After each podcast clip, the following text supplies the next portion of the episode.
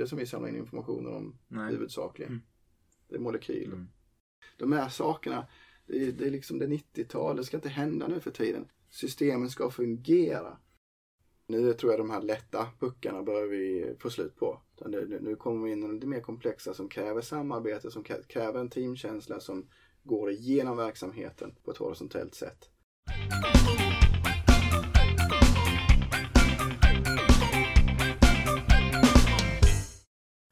Hej och välkomna tillbaka till Reimagine Technology, en podcast i regi av Sofigate. Jag heter Roland Filip Kretschmar och tillsammans med mig i rummet har jag min kollega Björn Olofsson, även VD på Sofigate Sverige. Välkommen! Tack så mycket.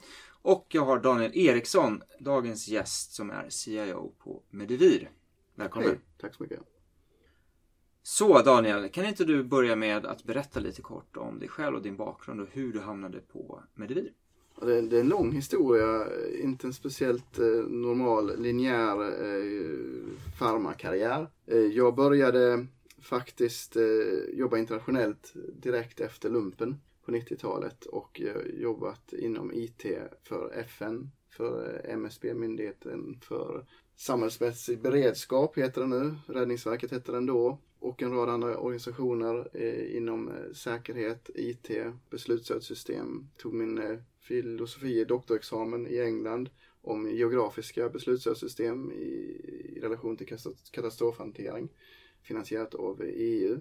Hur som helst för att göra den historien lite kortare så eh, var jag baserad i eh, Indien och VD för ett säkerhetskonsultföretag där och hade beslutat mig för att eh, flytta med familjen tillbaka till Sverige efter 20 år utomlands för att sonen skulle lära sig svenska och eh, min hustru skulle få känna på Sverige och skärgården. Och efter många år med så fick jag ett erbjudande för posten som CIO på Medivir.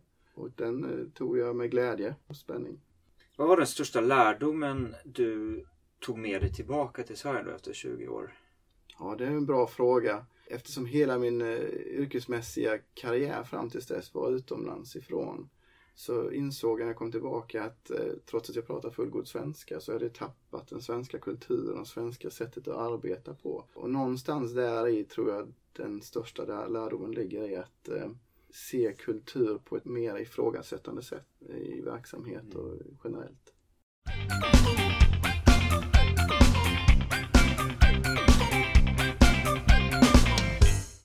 Jag tänker att eh, man tänker biotech, eh, pharma, life science så förknippar man kanske inte riktigt med digital disruption. Det är disruption på många andra sätt och vi kommer tillbaka till det senare. Men om du från ditt perspektiv skulle filosofera lite kring vad är digital disruption inom life science och vad, vad ser du händer där som är spännande?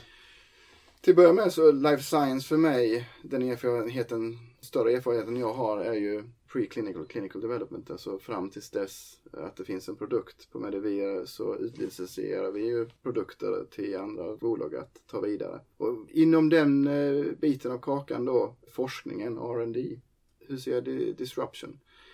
På grund av att vi har regulatoriska krav att leva efter som är ganska tunga så har vi inte lika stor frihet att förändra processer fundamentalt eller att ta in nya verktyg. Men däremot så tror jag det fortfarande finns stor möjlighet att förändra, förbättra på ett destruktivt sätt de verktyg, och den, det ekosystem och verktyg man har inom forskningen för att säkerställa att forskarna på ett lättare sätt får den informationen de behöver för att ta sig vidare i nästa steg i sin forskning. Att strukturera information så att man får eh, synergier mellan projekt som i tidigare sätt att bedriva R&D förmodligen hade varit isolerade från varandra. Att man får en expansionell synergi mellan de olika projekten. Och det är någonting som vi försöker få till på Medivir. Kan du inte berätta för lyssnarna lite grann om hur den här processen från första eh, tanke till ett eh, kommersiellt gångbart läkemedel går till? För att eh, jag vet att det är en extremt lång process. Den är väldigt dyr, eh, ställer höga krav och, och eh, är regulatoriskt kontrollerad. Du kanske ska berätta varför det är så viktigt med de här reglerna? Ja, eh, det, nu är inte jag, det här är verkligen inte mitt område av expertis och någonting som jag fått lära mig ganska rappt de senaste två åren eftersom jag kom in utan erfarenhet från Pharma med ett mer eh, IT-fokus på verksamheten. Men det här är ju den centrala processen i Pharma. Det är, man har eh, preclinical research där eh, det börjar med en idé. någon helt enkelt sitter i ett rum och kommer på men det här skulle nog kunna fungera att ta fram ett läkemedel mot. Då har man eh, en process som, som leder fram till en candidate drug. Och i det så har man olika tester inom kemi, biologi, DMPK som står för Drug Metabolism and Pharmacokinetics och generell farmakologi, toxikologi och så vidare. För att iterativt ta sig mot den här, det här målet att man har en molekyl som kallas the candidate drug som man tror ska kunna ge en verkan, maximal verkan. Eh, man börjar med en stor mängd molekyler och så filtrerar man bort fram till att man kommer till candidate drug. Så det, det kan vara så att den, den, inte ger den verkan som man har hoppats på eller att det ger för stora biverkningar eller för svår eller för dyr att producera. Det kan vara många olika anledningar. Men till slut så har man bara en candidate drug. Det är ju då preclinical phase.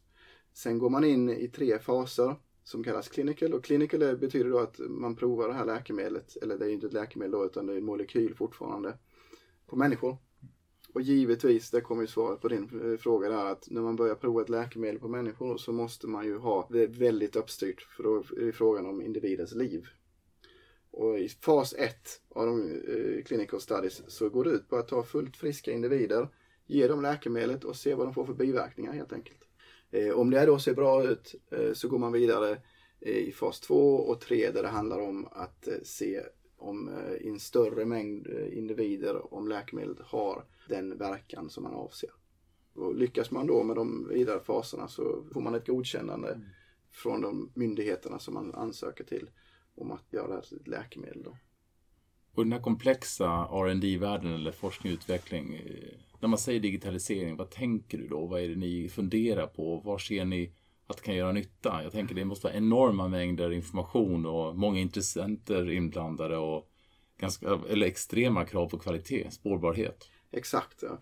Det, det är som du sa, en komplex miljö. Spårbarhet och kvalitet är, är, är jätteviktigt. Samtidigt så ser jag stora möjligheter i att standardisera, centralisera verktygen. Vi har, som jag sa, väldigt stora mängder data både från tidigare projekt och pågående projekt. Och man skulle kunna säkerställa att forskarna på ett enkelt sätt skulle kunna komma åt den här informationen. Och kanske drömmen är ju också att, att utsätta den här informationen för lite AI-agenter mm. som kan programmeras av forskare som då går nattetid och letar efter eh, korrelationer och nu må vara de här datamängderna. För att på så sätt ge forskaren lite nyheter om datan som finns i alla våra system på morgonen när de kommer in. Det är ju det som är, är målet och, och, och, till viss del så finns det ju vissa applikationer som Dr. Watson från IBM och andra som påstår sig kunna göra det här. Mm. Och det borde ju inte vara långt bort. Men resan dit så handlar det om att få bättre struktur på datan, centralisera datan, se till att man får en process genom verksamheten där datan delas och det blir tydligare hur, hur datan hanteras från steg till steg i de här olika processerna som jag skrev i forskningen. Om vi fastnar kring det här data, hanteringen av data. Vi, vi märker att många gånger så sitter man på väldigt mycket data men man vet inte vad man ska göra med datan. Mm. Och även om man vet vad man ska göra med den så gör man ingenting åt det. Och vi märker ett tydligare behov av att sätta upp ett liksom, data center of excellence. Man jobbar väldigt tydlig Analytics Vision Strategy och har ni anammat samma, jobbar ni på samma sätt med hanteringen av data? Berätta lite om. Det är lite svårare för det, jag, jag, skulle tänka mig att det sättet som du beskrev hade nog fungerat bra i en, i en B2C-miljö där dina datamängder handlar om en slutkund som köper någonting och du vill få göra analyser om segment, om de kunderna eller andra typer av transaction intelligence. Här så handlar det ju mer om i vår forskning att upptäcka saker man inte vet. Och det görs emellan de olika skråna. Biologer, kemister, farmakologer, läkare och så vidare. Eh, där var och en sitter och genererar sina egna data. Eh, och man kanske inte har så stort utbyte av varandra idag som man skulle kunna anta att man eh, borde ha. Därför så är det ganska stort steg att skapa ett sånt här Center of Excellence för de individerna som jobbar där måste ju kunna all data genom verksamheten. Och för eh, någon utan insikt i det här så kanske det låter, ja men det ju, måste ju vara samma alltihopa. Ja visst finns det masterdata i form av molekyler och, och smilesträngar som det mm. kallas då. Men datan runt om det är ju ganska unik för de olika skråna. Och eh, skapa ett center of excellence, eh, givetvis är det någonting som vi vill komma åt, kanske virtuellt. Mm. Men det är inte någonting som är gjort i en handvändning. Om du spår lite i framtiden, ser du inte bara att ni tar det steget, men att även andra i branschen tar det steget mot ett sånt arbetssätt? För att också kanske se hur de olika typerna av data kan på något sätt korsbefruktas och skapa någonting helt nytt och disruptivt. Definitivt mm. så, så, är det här någonting som, eh, och det är därför jag tror att lite mindre bolag, jag skulle inte kalla Medevi för litet. För, framförallt inte om man tittar på antalet projekt och, och one output och framgång som vi har. Mm. Men i jämförelse med ja, Pfizer och de här stora jättarna så är vi små. Mm. Vi har ju en styrka att vi kan förändra oss snabbare. Mm.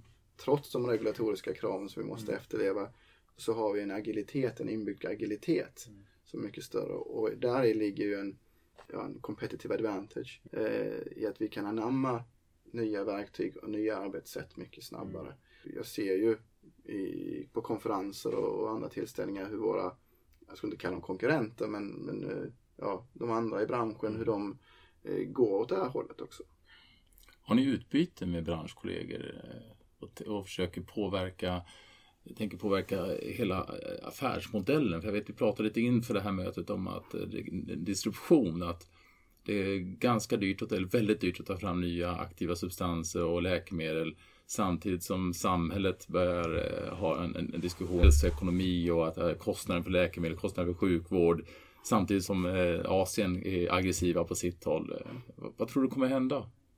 det här var en väldigt filosofisk fråga då som, som är någorlunda utanför mitt mandat i rollen som CIO. Men om jag på något sätt sätter en liten personlig touch på det här så ser jag situationen eh, att om man ska lyckas att fortsätta trots den här trenden att läkemedel internationellt sett, globalt sett kostar exponentiellt mer och mer att utveckla så måste man göra en förändring. Och de eh, verktygen på den digitala sidan finns där mer eller mindre. I alla fall rent teoretiskt. För att göra en disruption av hur läkemedel tas fram idag. Men de regulatoriska kraven är ju inte byggda för den verklighet vi lever i idag i den digitala världen. Därför så tror jag att i en, ja, förhoppningsvis inte alltför eh, distant framtid att de, de regulatoriska kraven kommer att förändras. Annars så kommer vi ha länder där det kommer att ske utveckling snabbare på grund av att, att man har mindre hårda krav. Men nu är ju situationen den som den är och jag tycker fortfarande att vi i eh, den industrialiserade världen har mycket som vi kan förbättra i våra forskning och utvecklingsprocesser. Eh, men om man ser bortom eh, de saker som vi kan göra idag så kommer det ju att krävas någon form av förändring på den grundläggande sidan av eh, hur läkemedel tas fram.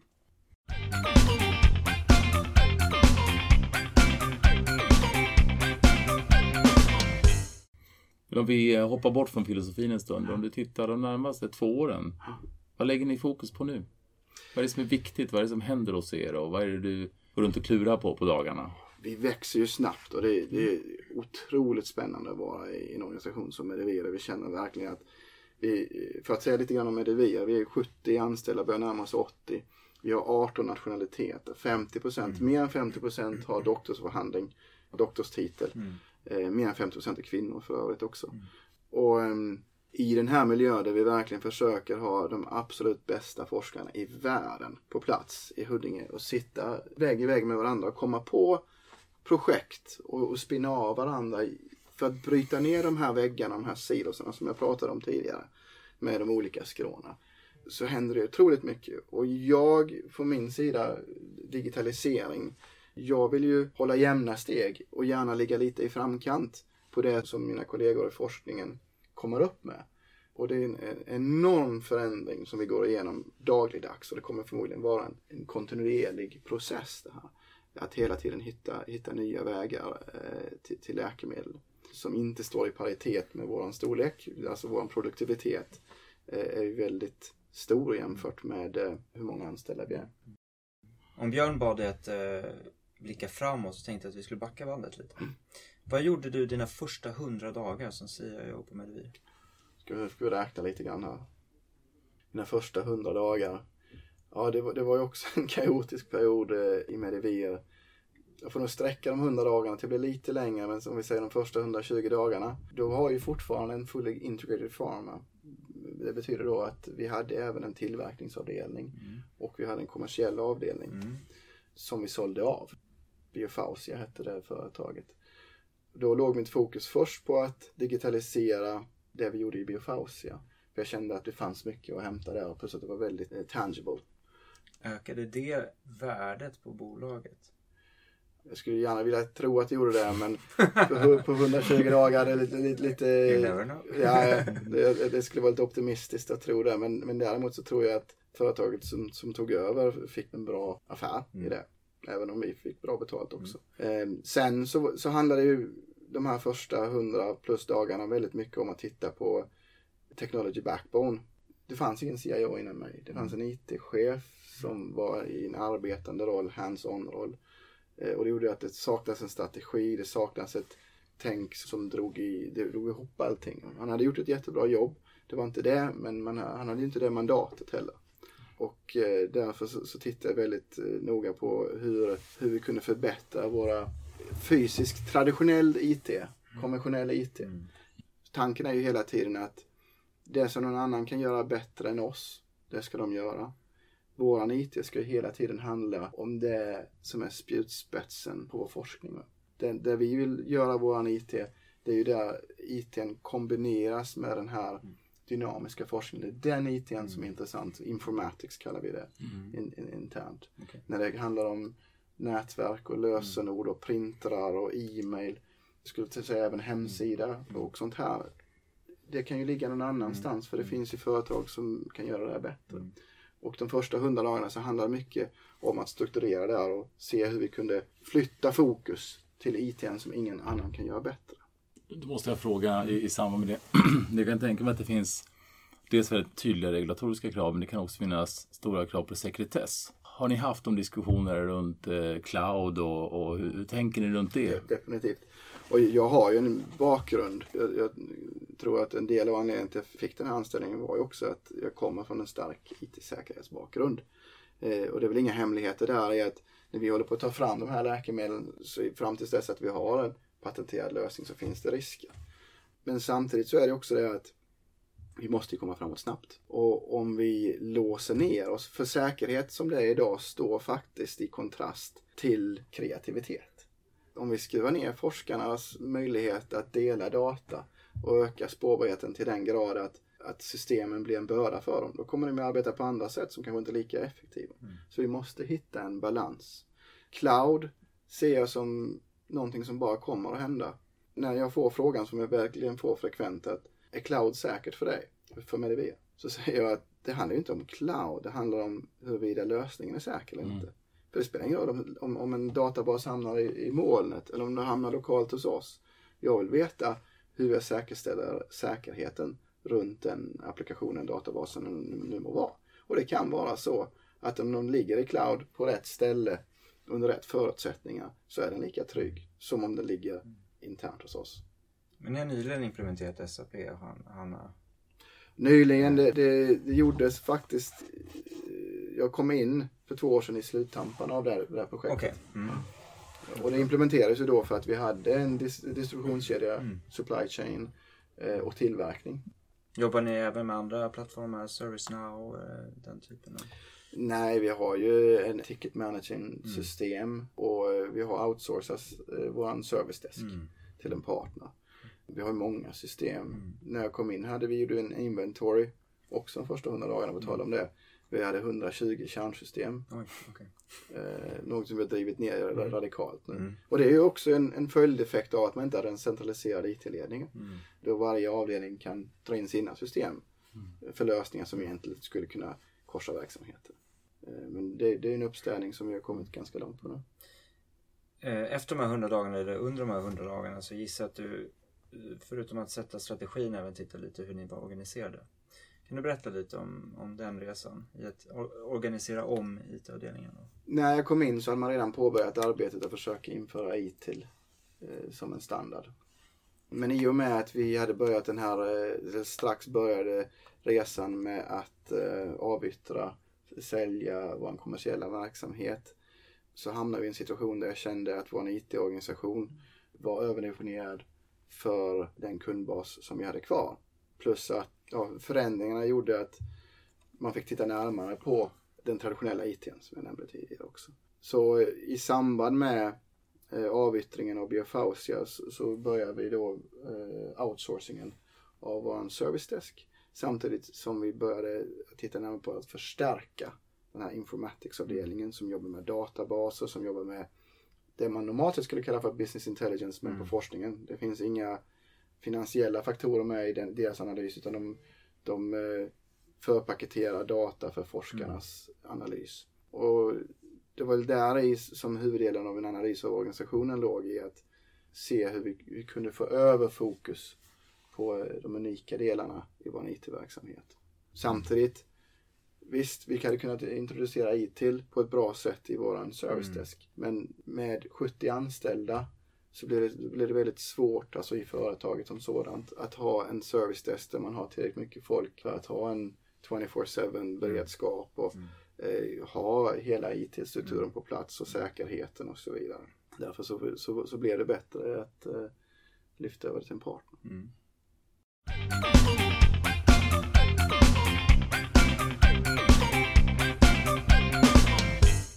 Jag har förstått att du är Data Protection Officer. Det stämmer. Låter fint. Ja. ja. Har det varit en tuff, eh, tuff vår eller? Nej men det har ju faktiskt inte det. Eh, eh, nu är det så att på grund av, alltså det var ett tufft år för det var ju mycket att göra. Det, är ju, det, det, det ska man ju inte sopa under mattan. Men samtidigt, så eftersom inte vi säljer till individer.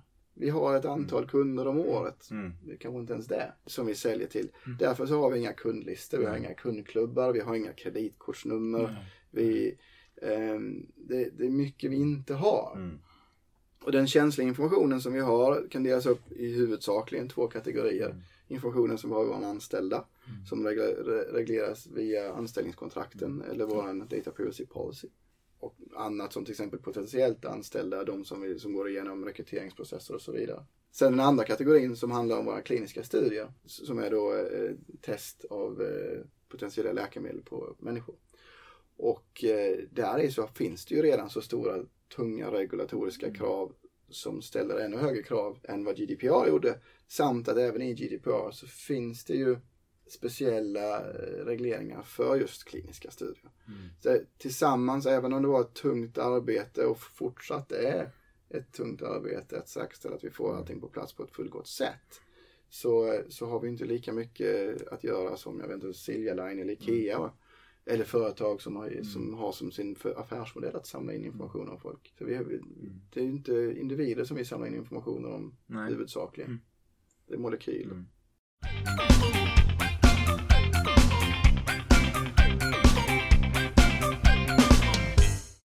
Vem tycker du en CEO ska rapportera till? Och, och med det sagt, vem rapporterar du till? Ja, CEO. Det, är den Det är så det ska vara. Det är Mm. så det ska vara. Mm.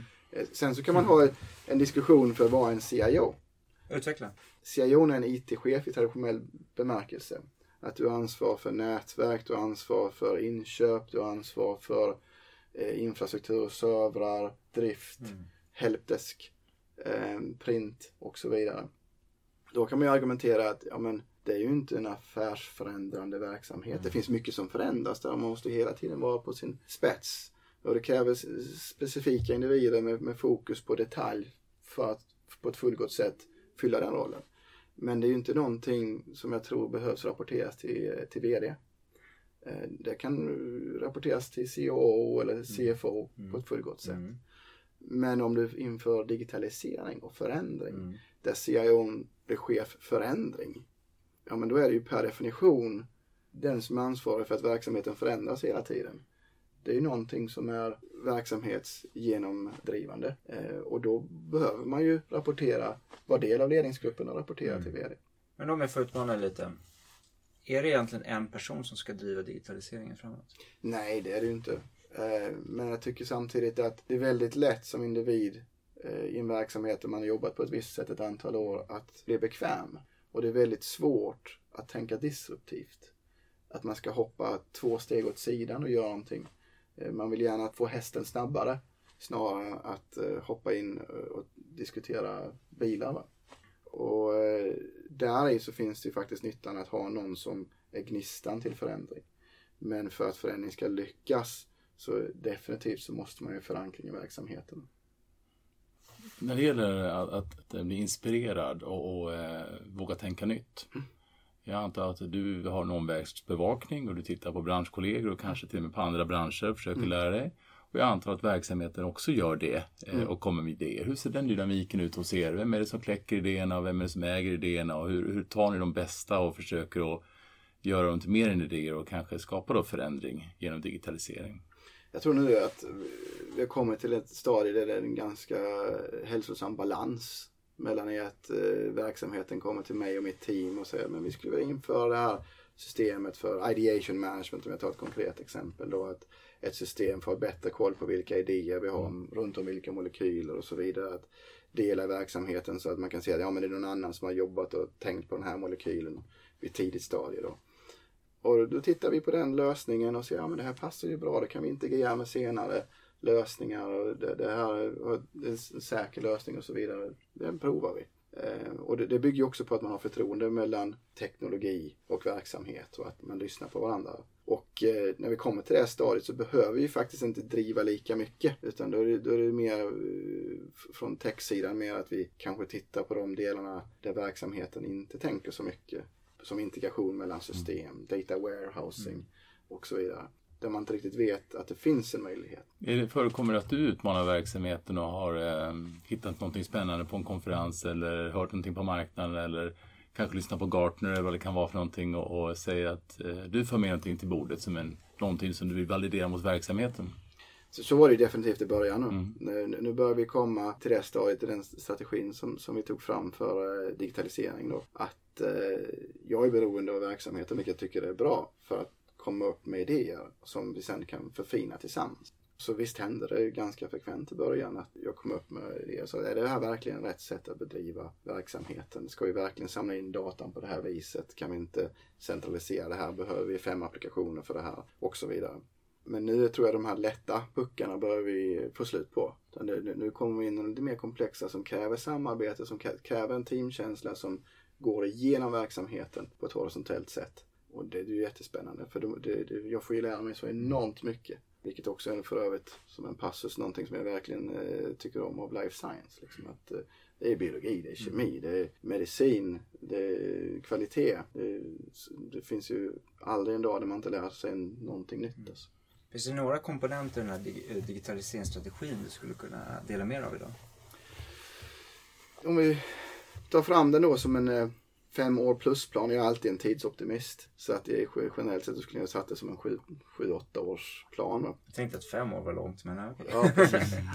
ehm, då handlar det ju då, det här är, är ju två år sedan plus två och ett halvt år sedan som jag satte den här planen. Och de första åren handlade om hygienfaktorer. Mm. Att strukturera ITn på ett sätt, technical backbone som jag kallar den då, att, att den biten ska vara avklarad. Mm.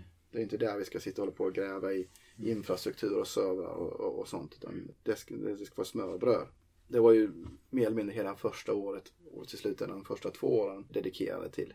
Sen började vi titta på standardisering och centralisering mm. av applikationer, databaser för att få datan på ett snyggt sätt strukturerad och centraliserad. Och det, det håller vi fortfarande till viss del på med även om vi gjort stora framsteg i det området när vi väl har datan strukturerad och sen integrationer på plats därigenom ett data warehouse så, eh, så har vi satt eh, grunden för god business intelligence som inte bara täcker våra ERP-system utan även täcker våra verksamhetssystem. Mm. Och, och, och, när det väl finns på plats, jag förenklar ju här, men, men ändå, så kommer man till de senare skedena där det handlar om data mining, mm. artificial intelligence, Eh, och de, de typer av teknologier. För då har, man, då har vi ju vår strukturerade och ostrukturerade data mm. på plats färdiggjord för mm. att utsättas för analys och mer kraftfulla verktyg. Och det är vi väl två, tre år bort från det skulle jag tänka på. Jag är tidsoptimist och säger tre då. När vi träffar olika CIO i olika branscher så alla pratar om machine learning och AI och data mining och sådär. Men det, det verkar som att det är lite tidigt fortfarande för att eh, verkligen få ut eh, riktigt värde. Jag förstår att ni nosar på teknologi, men är det någonting ni har kunnat göra som du känner att det där blir bra? Faktum är ju att rent teoretiskt så, så gör vi ju saker som kan eh, definieras som machine learning redan idag. Fast det är ju begränsat till vissa avdelningar som computational chemistry till exempel. Där de använder ja, algoritmer och analytiska metoder som skulle kunna klassas som machine learning. Så det händer ju redan och det gör ju, no det gör ju att vi är väldigt väl rustade för att ta det här steget. För det här är någonting som vi har forskare som bedriver redan på, på ett eh, dataplan. Eh, och att ta stegen att tillhandahålla all data i organisationen i ett eh, i en data warehouse och sedan göra liknande analyser där. Det är inte så stort så som det kanske är för vissa andra tillverkande eller försäljande säljande företag. Vi har kompetensen, vi har datan, vi, vi har rutinerna på, på plats. Det är därför jag tror att ja, men två år, det ska vara möjligt att nå dit. Det, det som är utmaningen är att det finns inga verktyg direkt. Nu säger de Dr. Watson till exempel. Ja, man kan köpa Dr. Watson eller Googles eh, version av det. Men de där verktygen är ju metaverktyg. Det mm. krävs mycket för att anpassa dem. Så jag, jag tror det kommer bli en resa där verktygen i sig själva kommer att bli en del i forskningen och del av R&D. Där verktygen kontinuerligt kommer att förändras. Det kommer inte bli ett verktyg som en Excel liksom, där man liksom, ja här, färdigt, nu kan du använda det. Utan verktyget och dess syfte kommer att mm. hänga samman väldigt nära och det kommer att krävas utvecklare för att eh, använda det. Du har berört det till och från under samtalet idag, men, men om vi skulle kunna fördjupa oss lite. Hur ser du att IT kan hjälpa till att ta det från idé till patient snabbare? Mm, det är en viktig fråga, time to market. Och, och eh, det här skulle jag kunna prata om en timme. Ja, vi, vi har tid. ja, du har tre minuter på dig. ja, precis. precis. Nej, men det, för det är det, det är det det handlar om eh, också. Det, det är ju, vi har pratat om produktivitet och öka, eh, öka kreativitet i forskning och så vidare. Men om man på något sätt kan möjliggöra för forskarna att bedriva den här fail fast, som är en, en av nyckelprinciperna i det hela, att man vill att om en molekyl inte är lämplig att komma till candidate drug-stadiet, att man blir av med den så snabbt som möjligt. För det kostar mer desto längre den kommer i processen. Om man kommer på i fas 2 i de kliniska studierna att ja, men det här var ju inte ett lämpligt läkemedel. Då har man investerat många miljoner dollar i den forskningen. Om man genom IT kan hjälpa till med att faila fastare, om man mm. säger dålig svenska, så tror jag att det är mycket gjort där. Jag tror också att mitt mål är att forskarna ska få så lite dödtid som möjligt. De ska inte sitta och vänta på, men det värsta, mitt mardröm är att de ska sitta och vänta på att jag glömde mitt lösen, nu måste jag ringa helpdesk liksom. De här sakerna, det är, det är liksom det 90-tal, det ska inte hända nu för tiden. Systemen ska fungera. Och det jag, de frågorna där jag vill se till att vi eh, tar bort de här eh, flaskhalsarna, det är liksom att Ja, men vad la jag den där datan? Liksom, nu har jag hittat den här datan det här skulle vara jättebra att jämföra med den andra datan. Var ligger den datan? Den ska ju komma upp som på Amazon. Du tittar på det här. Andra som tittar på den här molekylen, de tittar nog på de här molekylerna, de här testresultaten också. Det ska vara sammanställt på ett schysst sätt. För att minska dödtiden och hela tiden liksom se till att de får den informationen de behöver på snabbast möjliga sätt. Vilket i sin tur faciliterar den här fail fast-principen också. Så det finns mycket vi kan mm. göra fortfarande för att fail fast och sömnlöshet är två nyckelord kan man säga. Ja. Om du för lite avslutningsvis då addera en tredje möjlighet eller utmaning som, som, som du som CIO eh, ställs inför i framtiden? Vi har ju pratat om de flesta faktiskt. Det är väl en, en, den kontinuerliga förändringen helt enkelt. Att eh, alla, allting jag pratar om här nu är baserat över min uppfattning av nutid och framtid. Det kommer att komma förändringar som jag inte har förutsatt. Och att kunna planera och strukturera verksamheten på ett sådant sätt att man kan ta förändringar. Till exempel om vi börjar tillverka läkemedel igen. Nu säger jag inte att det kommer att hända men kanske vi kommer att göra en vacker dag. Eller att de regulatoriska förordningarna förändras. Med amerikanska myndigheternas tänk runt det så, det skulle kunna vara så att vi får förändringar. Och då ska ju systemen kunna anpassas till det oförutsedda. Så att eh, det, det är en annan element. Mm. Ett annat element att eh, säkerställa att man är agil även mot en oviss framtid. Tack Daniel. Mm. Ja, varsågod. Eh, mycket trevligt samtal. Jag heter Roland Flipp Kretschmar eh, från Reimagine Technology, Sofigate Podcast. Med oss idag hade vi Daniel Eriksson, CIO på Medivir. Och som sidekick Björn Olofsson, min kollega på Softgate. Tack. Tack så mycket. Tack så mycket då.